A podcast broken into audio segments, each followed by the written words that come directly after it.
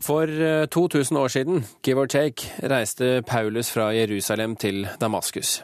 Nå har forfatter og filmskaper Dag Hoel gjort det samme, ikke for pilegrimsreisens del, men for å forstå en av bærebjelkene i den vestlige kultur, nemlig det som startet som en liten sekt rundt oppvigleren Jesus. Velkommen til eh, Kulturnytt, Dag Hoel. Takk for det. Du har altså fulgt i fotsporene til eh, Paulus mer eller mindre og skrevet bok om det. Hvorfor det? En, en vesentlig motivasjon for meg var vel det at jeg Eh, jeg klarer ikke å tro. Jeg er et eh, dypt sekulært menneske. Eh, men det gjør jo at jeg da interesserer meg for de som tror. Hva er det som kan få et menneske til å underkaste seg noe som er hva skal jeg si, så vidt usikkert som tro? Dette her gjorde at jeg Eller funderinger rundt, rundt, slike spørsmål gjorde at jeg la ut på denne her moderne pilegrimsferden da i, i Paulus sine fotefar. Hvorfor valgte du nettopp den vandrendes perspektiv, eller, eller reisen på bakken? Eh, jeg liker å reise. Og eh, det å eh, I dette tilfellet her så gjorde jeg det på den måten at jeg gikk, og jeg sykla, og jeg haika og tok meg fram så eh, langsomt som mulig gjennom Vestbredden og over Golanhøyden og, og fram til Damaskus. Dette her er, er bibelske områder med ja, som er proppa med referanser til bibelhistorie. Og det var eh, en, en, langsom reise gjennom dette landskapet var veldig motiverende for å hva skal jeg si, la, synke inn i de tankene og de funderingene som jeg var på jakt etter her, da. Hvordan kan man i dag konkret se gjenskinn av det som skjedde i Midtøsten for 2000 år siden? Nei, det er uh, en uh, på den reiseruta fra Jerusalem til Damaskus, eh, så eh, reiser man eh, forbi eller gjennom en rekke av disse stedene som man forbinder med de bibelske skriftene. Det være seg Sikhem eller Nasaret eller gravkirka i Jerusalem eller altså Hvor du enn måtte snu deg, så finner du referanser til det som holdes hellig av mennesker over hele kloden. Det er jo også en av disse tingene som, som er til å la seg forundre over. Hvorfor er det slik at mennesker over hele verden lar seg, eh, hva skal jeg si, eh, eh, inspirere av tanker og myter som tilhører et lite folk i Midtøsten? Altså, dette, et, denne, dette myteuniverset som egentlig tilhører eh, de kulturene som lever i det indre Middelhavet, hvordan det har fått makt over mennesker over absolutt hele verden. Hva slags inntrykk gjorde på deg møtet med disse menneskene du traff på veien?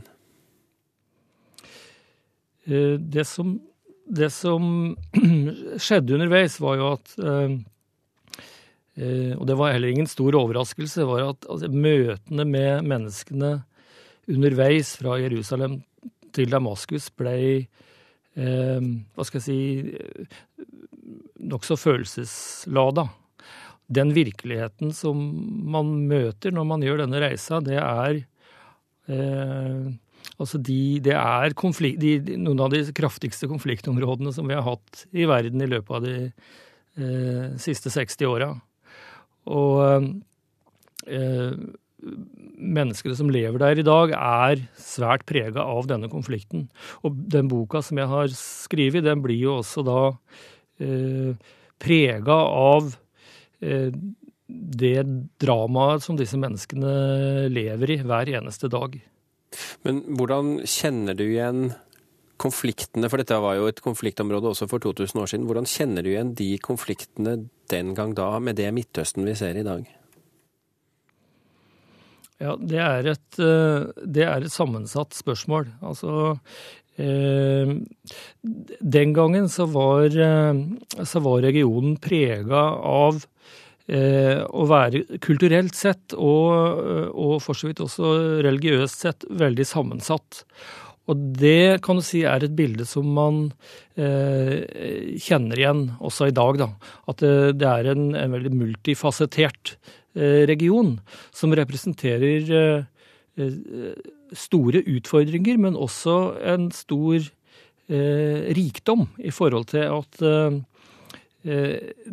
når man lykkes i et multietnisk samliv, så blir man veldig rik mens, eh, mens, det selvfølgelig da ligger veldig store utfordringer i å klare å få dette her til å fungere godt. Og det ser vi jo altså de, de senere tiåra, hvor vanskelig det har vært. da. Hva gjorde størst inntrykk på deg under reisen, Dag Hol? Størst inntrykk, det er uh, vanskelig å si. Det er mange inntrykk. Jeg brukte noe sånt som ni uker på å reise 30 mil, og møtte mange mennesker. og og hadde, hadde eh, store opplevelser. Men du kan si at kanskje noe av det som ble veldig spesielt, var jo det at jeg, jeg reiste Da jeg kom inn i Syria, så var det på den tida da opprøret i Syria var under utvikling. Sånn at jeg, jeg, jeg fikk med meg noen uker med, med opprøret i Syria på det tidspunktet da det enda var prega av optimisme. Altså påska for et år siden og utover i mai så, så levde det forhåpninger blant syrerne om at det opprøret som da var på beddingen, det, det ville lykkes. Altså De trodde faktisk at de skulle klare å styrte Assad gjennom en ja, tilsvarende type aksjoner som det som fant sted i, i Kairo, på Tahrir-plassen.